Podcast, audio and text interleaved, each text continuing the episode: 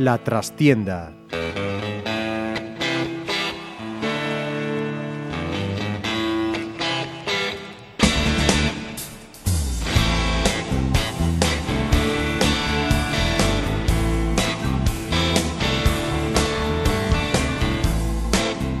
Saludos amigos, os habla Ramiro Espiño en nombre de todo el equipo. Comenzamos una nueva edición de La Trastienda en Pontevedra Viva Radio desde nuestros estudios en la calle Michelena de Pontevedra. Finalizamos temporada futbolística, también finalizamos La Trastienda que volverá en septiembre con el inicio de la nueva, pero por lo tanto es hora de resumen, de análisis, de fijar objetivos de cara a la próxima. Es hora también de despedidas, en algunos casos dolorosas, y tiempo de máxima intensidad en los despachos. Y ello queremos dedicar hoy este último programa de la temporada con el consejero y director deportivo del Montevera, Roberto Feans. Muy buenas. Hola, buenas. Y con una de esas despedidas que duelen. Cinco años, capitán del equipo, y creo que no me equivoco si digo que uno de los hombres más queridos tanto por los aficionados como por sus propios compañeros. Ejemplo siempre de comportamiento. Adrián Gómez, ¿cómo estamos? ¿Qué tal? Buenos días. Bueno, pues análisis y valoración de la temporada, creo que es obvio para, para comenzar, antes de entrar en, en, otras cuestiones, Roberto. Sí, la, la, valoración de la temporada es positiva. Yo creo que hemos conseguido un objetivo que no nos lo habíamos marcado desde el principio de temporada, por, por muchos condicionantes. Y, yo creo que pues, el, el, el equipo ha, ha, respondido bien, hemos jugado un playoff eh, a segunda A y yo creo que, que, un poco va con la evolución de lo que, lo que dije en, en otras entrevistas. ¿no? Es decir, el, el, club lleva una línea, vamos creciendo en muchos sentidos y bueno, yo creo que la temporada deportiva eh, ha, ha, confirmado pues, un poco el, el trabajo que, que, llevamos ya desde hace tiempo en, en, en, el club, ¿no? a pesar de que es un gran éxito por parte de la, de la parcela deportiva, tanto del entrenador como de los jugadores. Yo creo que debemos estar orgullosos, pero a nivel general, no solo el primer equipo, también en fútbol base. Yo voy a hacer un poco de abogado del diablo, ¿no? Evidentemente nadie niega el mérito de este Montevera que se ha clasificado para un playoff en un grupo en el que en principio había otros candidatos con mayores posibilidades, me refiero económicas y posiblemente también deportivas. Hablamos de Ponferradina, hablamos por ejemplo de un Burgos que se salvó de milagro a última hora y en una difícil promoción, de Tudelano incluso, pero alguien puede pensar, clasificarse para un playoff con 60 puntos es un poco de mérito también de los rivales, ¿o no? Bueno, yo creo que hay diferentes lecturas. Evidentemente, como tú dices, eh, hay plantillas han quedado por debajo de nosotros con presupuestos que importantes y bueno, yo mi valoración, eh, repito, es muy, muy positiva porque entiendo que si hemos quedado cuartos es porque hemos sido los mejores de, de, de, del cuarto hacia abajo. ¿no? Hay equipos que han estado en un momento, el Coruso estuvo hasta el final empujando, eh, la Ponferradina, todos los equipos de Valladolid se desinfló al final. El Ferrol que, eh, se, se acordó tarde. Cogió una, una corriente ascendente muy, muy positiva y al final se quedó, ¿no? Pero, pero quiero decir que, que a pesar de ese mes y medio malo, eh, eh, yo creo que el balance es positivo y creo que ha sido justo para el equipo y estar ahí porque son muchas jornadas en puestos de playoff, un trabajo de, de, todo un año, no el trabajo de los últimos tres meses, como, como han sido otros equipos. Y, y bueno, el balance yo creo que, que, es positivo, a pesar de que hemos tenido unos condicionantes increíbles, ¿no? Porque si tú ves las tres primeras plantillas o incluso las que venían por detrás, que tienen un potencial terrible, eh, todos sus delanteros o jugadores importantes han jugado 39 jornadas, 35 jornadas. Nosotros los futbolistas más importantes, o futbolistas importantes de la plantilla, porque importantes son todos, pero los que a lo mejor pues, nos podían dar ese plus, como eran Iker Alegre o, Mario Barco, han tenido lesiones importantes y sin embargo nos hemos mantenido ahí. Entonces yo creo que ese es el trabajo, es un buen trabajo de equipo, es un buen trabajo eh, a nivel general y no podemos quitarle valor porque tiene muchísimo. Y desde, desde dentro del vestuario, Adri, ¿cómo se ha vivido esta temporada? Eh, a nivel colectivo, por supuesto, y en tu caso a nivel particular, me imagino que un poco agridulce, ¿no? Por haber participado menos de lo que te hubiera gustado y menos de lo que le venías haciendo hasta ahora. Bueno, desde dentro del vestuario, siempre desde que comenzó la temporada sabíamos que, que teníamos que mejorar lo que habíamos hecho la temporada anterior y así fue, ¿no? Desde, desde inicio se vio claro el objetivo que tenía este equipo, eh, eh, jornada tras jornada pues lo veníamos consiguiendo. Hemos estado la primera vuelta muy fuertes en, en casa y eso fue lo que el colchón de puntos que hemos sacado para ese mes y medio que dice Roberto, que los equipos que venían por detrás nuestro mantener ese, ese margen, ¿no?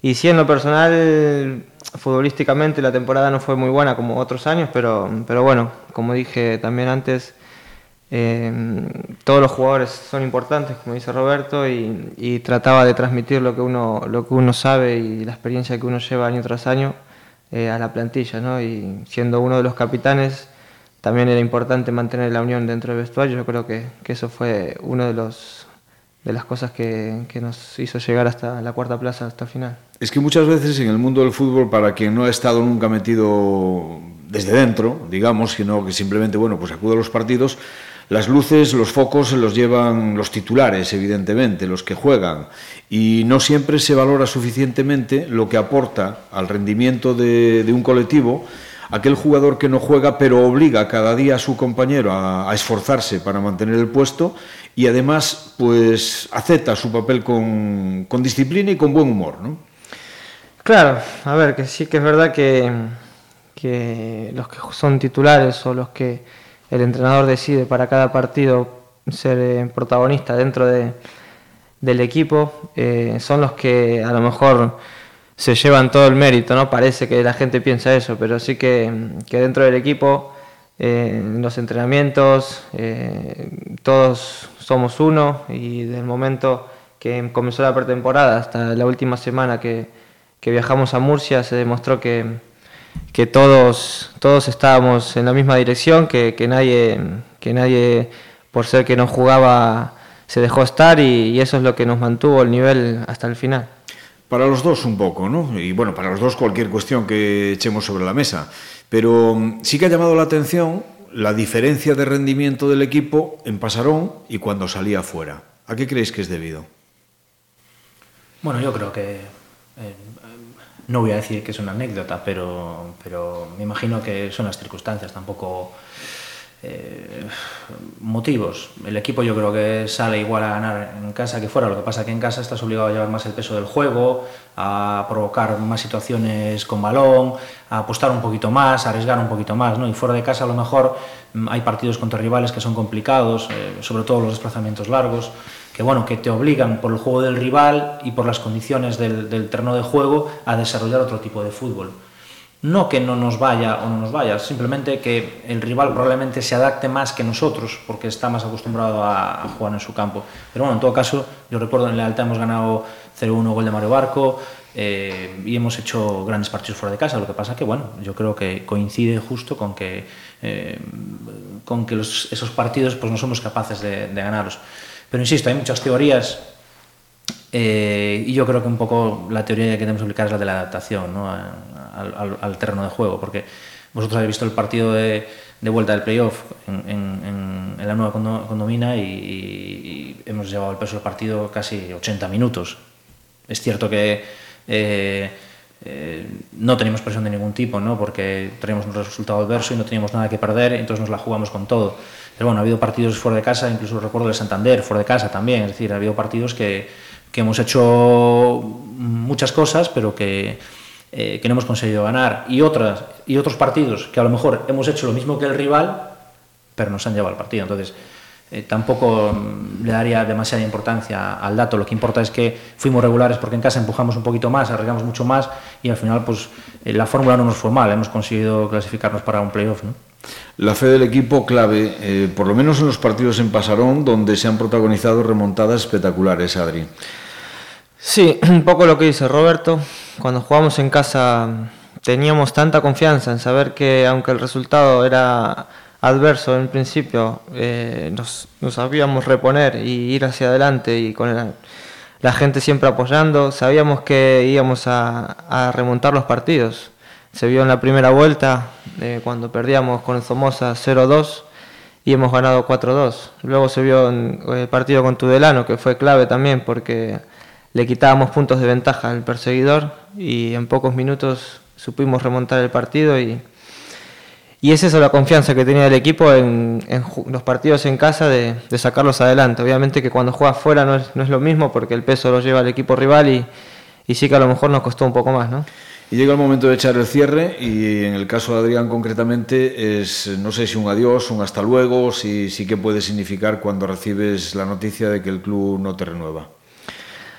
Bueno, no, es como, como dije, ¿no? A veces es un momento, un momento amargo, pero hasta para el que lo tiene que decir, ¿no? Cuando me junté con Luis para hablarlo, también él, no es un plato fácil el comunicarlo, ¿no? Porque llevo años aquí, él, llevo años con él también y, sí que es un momento en el cual en algún momento tenía que pasar, ¿no? Pero bueno, sí que te tienes que recuperar y, seguir adelante, obviamente, buscar nuevos objetivos. Luego hablamos de tu futuro personal también, claro está. Pero de momento, Roberto, nueve bajas de, de, jugadores. Digo de momento, evidentemente, porque a otros se les ha ofrecido la renovación y no se puede descartar que alguno no la acepte, evidentemente. Adrián Gómez, Jacobo Millán, Capi, Mateu, Miki, Portela y los cedidos Eneco y Mario Barco además de Santi Canedo, que ha sido precisamente uno de los que no ha aceptado esa oferta de renovación. ¿Son demasiadas bajas? ¿Parece como una pequeña revolución que impedirá que haya una interesante continuidad siempre en el equipo no? Bueno, yo creo que todos los años, eh, por estas fechas, tenemos, no voy a decir un problema, ¿no? porque es lo que nos toca, son altas y bajas, yo creo que es el momento más complicado de la temporada, sobre todo por, por situaciones, ¿no? En este caso, pues Adrián está aquí, eh, como club solo podemos agradecerle todo lo que ha hecho por nosotros. Y, y, evidentemente no podemos evitar este tipo de situaciones. Evidentemente estamos, tenemos la obligación de mirar lo mejor por el club y analizar deportivamente. Eh, tengo que decir que este club tiene una seña de identidad muy marcada, muy clara, que es el trabajo y, y, y la humildad y, bueno, desde ese sentido yo quiero transmitir eh, tranquilidad a todos los aficionados y a todo el mundo porque eh, ahora mismo eh, están encima de la mesa muchas renovaciones, se puede dar que se queden, se puede dar que se vayan. tenemos que apelar a, creer en, todos esos jugadores que realmente sienten este club. Este club hace lo que puede a nivel económico y, estamos en obligación de hacer un equipo súper competitivo. saldremos adelante si, es con los que de verdad quieren estar y si no, pues eh, nos reinventaremos como todos los años. Es decir, aquí el momento más complicado que acabamos de atravesar ha sido dar la baja a jugadores como Jacobo, como Adrián, que llevan aquí mucho tiempo. Eh, yo, desde luego, esta es mi cuarta temporada. Desde que llegué, solo tengo palabras de agradecimiento hacia ellos y, bueno, en este sentido, pues estamos trabajando duro, eh, analizando bien el mercado y los perfiles de jugadores y, y, bueno, solo pido a la gente que esta es nuestra cuarta temporada, que sigan confiando porque hasta la fecha nos ha ido bien. En una respuesta prácticamente te me has cargado el resto del guion del programa. Bueno, eh, ponte en mi lugar, ¿no? Es decir, la, la pregunta no es sencilla porque eh, esta semana tenía que contestar a varios futbolistas, llega de todo, eh, hemos hecho un playoff, hay futbolistas que se sienten valorados, hay otros que no se sienten valorados, en la medida de lo posible el club hace lo que puede, en la medida de lo posible el club eh, otro año más eh, eh, seguramente pues hagamos un esfuerzo económico, igual que el año pasado, cada añito vamos un poco más para intentar que todo el mundo esté a gusto, intentar captar futbolistas muy interesantes para que podamos competir por todo. Y claro, en el medio pues me toca a mí eh, medir y, y, decidir junto con el entrenador eh, qué es lo mejor. Y, y muchas veces pues eh, es complicado. A veces no se trata de acertar, sino de equivocarse lo menos posible.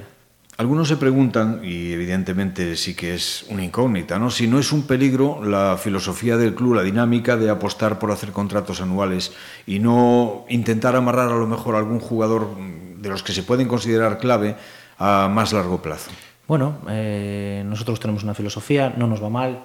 Eh, para toda esta gente que tiene dudas, a lo mejor lo que tiene es que irse cuatro y cinco temporadas más atrás, porque nosotros cuando asumimos el club hemos tenido que pagar jugadores que tenían contratos por barbaridades y nosotros lo que no podemos es eh, condicionar al club o cargar al club con ese tipo de gestiones. Sí es cierto que hay futbolistas que son interesantes, yo creo que los más interesantes los tenemos, otros estamos negociando con ellos, eh, eh, pero a nosotros nos interesa eh, el club a nivel general, no solo a nivel deportivo. Es decir, hay, hay esos jugadores probablemente a todo el mundo quiera tenerlos atados, pero a nosotros nos preocupa tenerlos atados y poder cumplir con ellos también. Entonces, las apuestas de futuro a veces eh, te juega una mala pasada. Lo digo porque, eh, repito, el primer año hemos tenido que finiquitar un futbolista que tenía seis años de contrato y hemos tenido que pagar. Y eso es muy complicado porque el desembolso ha sido importante y como comprenderás, a mí en la parcela deportiva todo lo que tenga que ver con jugadores me viene al, presupuesto y no es lo mismo tener disponibilidad que no tenerla. Entonces, no es sencillo, no es sencilla la fórmula. Pero sí que es verdad que, o por lo menos a mí, algo me ha llegado, para aquellos que se pregunten, hombre, por ejemplo, caso de gente muy joven, que se le ve una proyección como Miguel Loureiro, no se le, ahora le salen novias de segunda división, porque claro, llegas al playoff y demás, ha cuajado una magnífica temporada, no se le podría haber ofrecido algo antes. Yo creo que a Miguel concretamente sí habéis intentado renovar. Bueno, eh, en este caso, yo, como decía antes, nosotros, la filosofía del club es trabajo y humildad. Eh, en el caso de Miguel, en febrero nos hemos sentado con él para ofrecerle mejorar el contrato y, unas, y mejorar las condiciones. Él no ha querido sentarse hasta el final de temporada. Mm, ahora mismo puedo decirte que le hemos ofrecido una propuesta de tres temporadas. Puede o no ser atractiva para el club. El club está cumpliendo con esa previsión de futuro en la medida de lo posible y de lo que se entiende debe de ser. A partir de ahí, eh, eh, el club tiene, sigue teniendo muchas opciones en el mercado, seguimos siendo un club importante de segunda B y hay muchísima gente interesada en estar en este club. Por eso repito que nosotros, Adrián lleva aquí cinco temporadas y estoy seguro que hubo años que estuvo en muy buenas condiciones y otros que hubo en peores condiciones. Y yo lo sé porque me he sentado con él. Quizá Entonces, lo... Y sigue aquí y hemos tenido que, que, prescindir de él esta temporada. Entonces yo creo que es el mejor ejemplo que puedo poner ahora mismo de cara a las negociaciones. Evidentemente hay riesgo de que los jugadores hayan revalorizado, como es lógico cuando juegas un playoff, cuando eres la sorpresa y, y te cuelas ahí por delante de, de transatlánticos como Ponferradina, por ejemplo. Pero también es verdad que el mejor aval que posiblemente tenga ahora mismo el Pontevedra a la hora de actuar como reclamo para que la gente quiera venir aquí es la seriedad de que desde hace dos años prima en materia de pagos. ¿no? Efectivamente, somos un club que está al día ahora mismo y, y bueno, eh, nosotros tenemos claro eh, quiénes deben de continuar, quiénes queremos que sigan con nosotros. A casi todos se les ha mejorado un poco para que se queden. Lo que pasa que, bueno, nosotros no podemos eh, ponernos a la par de clubes eh, que todos los años hacen presupuestos abismales cumplan o no, que hay muchos que no cumplen. Lo que pasa es que eso no lo dice nadie. Entonces, eh, eh, nosotros tenemos claro mmm, quién queremos que se quede. Ahora, que tiene, quien tiene que saber ahora que se quieren quedar son ellos. Entonces, a partir de ahí, nosotros moveremos, moveremos ficha. El año pasado hubo casos como el de Campillo, como el de Borjas, es decir, hemos salido adelante, el equipo, hemos hecho un equipo muy competitivo, porque el año pasado se han hecho, creo, 11 fichajes también, y hemos jugado playoff. Entonces, eh, para la gente que se ponga nerviosa, vuelvo a repetir, que confíen un poco en la gente que trabajamos en esto, porque intentamos que todo eh, vaya acorde con lo que debe de ser y buscando siempre el, el bien eh, a nivel deportivo y, económico. Lo que pasa es que ya se sabe que el fútbol, pues la paciencia no es precisamente una de las virtudes, sí. ¿no? En todas partes, en jugadores, en entrenadores, en aficionados, en periodistas, absolutamente en todas partes, ¿no? Y en este caso, bueno, pues hay que entender que seguramente también vosotros queréis, evidentemente, amarrar a los jugadores que os interesan, pero ellos a su vez también están pendientes de a ver qué pasa con los playoffs y quién va a subir, quién va a bajar, quién se queda, porque le puede surgir cualquier otra cuestión. Evidentemente, todas las partes son, son lógicas. Lo que pasa que, repito, el club tiene un valor, el club tiene un valor como club, como hemos ganado una seriedad que se había perdido de lo que era el Pontevedra Club de Fútbol a muchos niveles y, sinceramente, eh, yo sí estoy a gusto en un sitio porque tengo que ver más opciones. Esa, esa es, la, esa es el, el, un poco la, la, afirmación que hago yo, ¿no? Un sitio que estás a gusto, que sabes que vas a cobrar, eh, que vas a, a, tal, muchas veces es mejor tener esa estabilidad que, que, a lo mejor esperar, porque a lo mejor si esperas, luego es tarde. Entonces, eh, yo estoy muy tranquilo, tengo muy claro que si el club necesita gente que se quiera quedar, porque el, el dinero va y viene. Eh, y muchas veces es mejor perder un poquito y quedarse que no irse por dinero y luego que te liquiden o que no juegues cero minutos y te vas a ganar por delante. Este club da una estabilidad. Nosotros no somos de muchos cambios, somos de la gente que está eh, intentar mantenerla lo máximo posible. Ahora, cada, evidentemente, cada futbolista tiene una situación y mira por lo suyo. Pero bueno, esta es nuestra, y no sé si me equivoco, pero aunque todavía no se haya formalizado, al menos dos de los que le habéis ofrecido la renovación han dicho que sí. Sabes más que yo, Ramiro. No sé, yo pregunto. No, no, yo no, no afirmo, pregunto. Eh, bueno, evidentemente eh, hay jugadores que saben que quieren estar aquí. Alex Fernández y Mourinho. Eh, no puedo decirte porque no tengo nada confirmado, pero alguno más también. Es posible. Pero, repito, no tengo nada firmada tal, nunca, nunca sabes lo que puede pasar. Esto es fútbol, ¿eh? El año pasado tenía un punta firmado a las 6 de la tarde y a las 11 renovó en su club. O sea, la palabra está muy bien, pero... Sí, lo que pasa es que yo creo que es una diferencia el que viene de nuevas al que ya está aquí consolidado y quiere, como dices tú, estar aquí. Que yo, yo si, te fijas, si te fijas, seguramente eh, no nos equivoquemos mucho en los jugadores que vayan a renovar. ¿Y sabes por qué? Porque seguramente sean los que llevan aquí tiempo. Es que yo en eso estoy absolutamente de acuerdo, que prefiero jugadores que a lo mejor sobre el papel, ¿eh? que no den, digamos, o, no sean tan llamativos como otros que puedan llegar, pero que por encima de todo el Pontevedra sea su primera opción. Efectivamente, un poco es lo que nosotros buscamos, ¿no? Pero bueno, en fin, yo creo que todos son conscientes de que están en, un buen sitio. Este es una ciudad eh, muy bonita a nivel deportivo, tenemos una situación muy estable y yo confío en que la mayoría van a renovar. El caso de Miguel Loureiro que hemos hablado, que se dice que si el Lugo, que si el Córdoba, etcétera, etcétera, ¿tú lo ves más cerca que lejos o no? Yo creo que tiene las mismas opciones que todos. El futbolista tendrá que decidir qué quiere hacer. Aquí sabe que es un futbolista importante, que va a tener minutos. Si el futbolista con 21 años decide irse, pues ¿qué podemos hacer? A mí no me queda otra que buscar más futbolistas que tengan hambre, que quieran estar aquí. Eh, tenemos una base que está funcionando muy bien. Tenemos equipos en la redonda que tienen futbolistas de nivel, mm, hay un trabajo en la dirección deportiva, un seguimiento de jugadores, es decir, repito, nosotros queremos gente que, de verdad quiera estar. Lo que pasa si que a el veces... chico cree que, va a tener mejores opciones fuera, nosotros qué vamos a hacer, yo no, puedo pensar por ellos. Yo intento hacerles ver, esa pregunta a lo mejor deberías hacérsela a Adrián, ¿no? decir, oye, Adrián, ¿tú qué harías? ¿no? Es que a veces con 21 años los cantos de sirena son peligrosos, ¿no, Adrián? Obviamente que con 21 años te quieres comer el mundo, ¿no? Y y en el caso de Miguel tendrá muchas novias para, para escoger. Él aquí está muy bien, está muy a gusto, él es de aquí, es gallego, así que, que, bueno, uno le desea lo mejor, pero espero que tome la mejor decisión. ¿Y Edu, por ejemplo, portería? Yo creo que lo tenemos claro. Es decir, Edu para nosotros es, es fundamental y, y, y no creo que tengan dudas eh, el jugador no creo que tenga muchas dudas, puede tenerlas porque está en su derecho, pero yo creo que mm, en todos estos años eh, la estabilidad que estamos teniendo en la portería está clara y por qué tenemos que cambiarla. Yo entiendo que Santi es un chico joven y, quiere jugar, necesita minutos, eh, tiene un tema con el tema de los estudios, que se quiere marchar para afuera para estudiar, entonces entiendo que ahí no podemos hacer nada, pero nosotros la prioridad en la portería la tenemos muy clara desde hace mucho tiempo. La verdad es que es una pena la baja de Santi Canedo porque a pesar de que el puesto de especialista tiene estas circunstancias en el fútbol, ¿no? Creo que el Pontevedra tenía una de las mejores porterías de la categoría porque se ha visto cuando ha tenido que salir en Copa Federación, en el último partido de Liga y demás, pues ha respondido al más alto nivel, evidentemente. Pero sé que es duro saber que vas a tener que permanecer, si siguen los dos, muy probablemente casi toda una temporada en la sombra. Sí, lo que pasa es que, claro, el puesto de portero es muy complejo, no es como la de jugador de campo. jugador de campo puede actuar, puede entrar en un recambio y tal.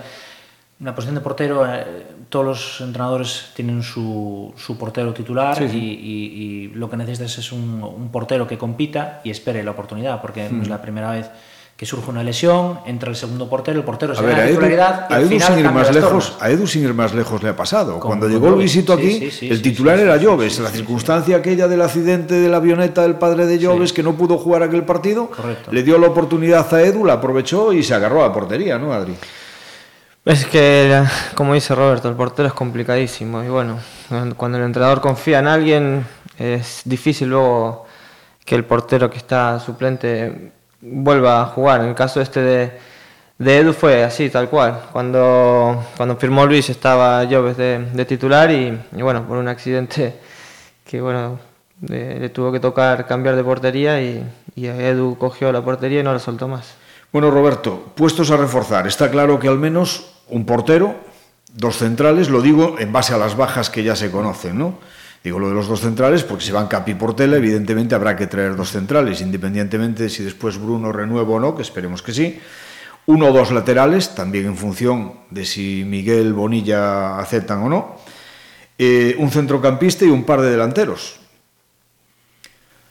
Sí, los números los echaste perfectos. Es decir, en base a los jugadores que se van, mm, tenemos que reforzar esas posiciones. Evidentemente, eh, en función de si renuevan unos jugadores u otros, eh, tendremos que reforzar Incrementar. las posiciones. Efectivamente, entonces, sí, no estás... A ver, lo, son cuestiones lógicas. Evidentemente nosotros estamos, eh, eh, tenemos muchas opciones en muchas posiciones, pero bueno, la prioridad son para, para los nuestros siempre. Eh, dos puntos y dos centrales, desde luego, prioridad, mucha prioridad.